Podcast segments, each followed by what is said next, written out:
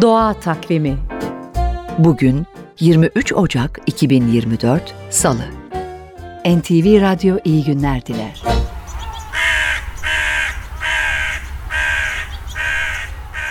Kargalar belki de insanoğlunun en iyi bildiği kuş türlerinden. Peki neden? Bu sorunun cevabı için NTV Radyo'nun Şehir Kuşçusu programından Kerem Ali Boyla'ya kulak verelim.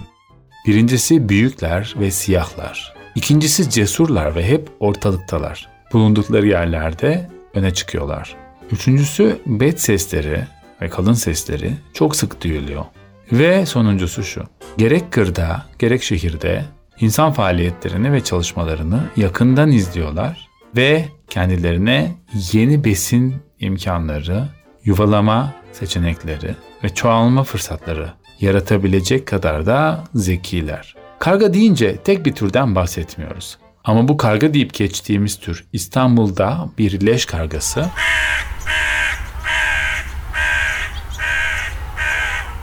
İzmir veya Bursa'da bir küçük karga Erzurum'da ise bir ekin kargası olabilir. Leş kargası belki de en azından İstanbul'da en çok gördüğümüz türlerin başında geliyor.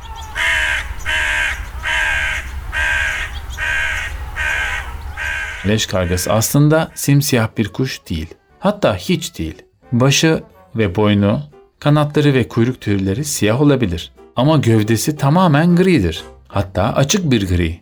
Neredeyse kuşun bir gömlek giydiğini söyleyebiliriz. Sesine gelirsek de en standart bildiğimiz bet, gak, gak karga sesi leş kargasının gerçek sesidir.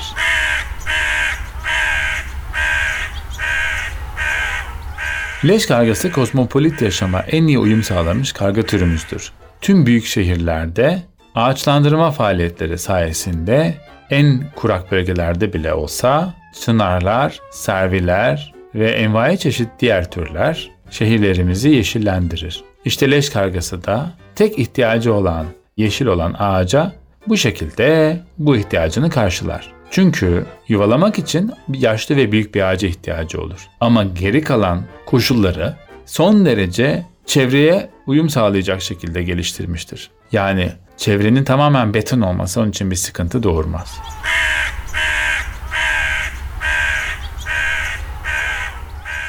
Kerem Ali Boyla'nın Şehir Kuşçusu programının tüm kayıtlarını ntvradio.com.tr adresinden ve podcast platformlarından dinleyebilirsiniz. Doğa Takvimi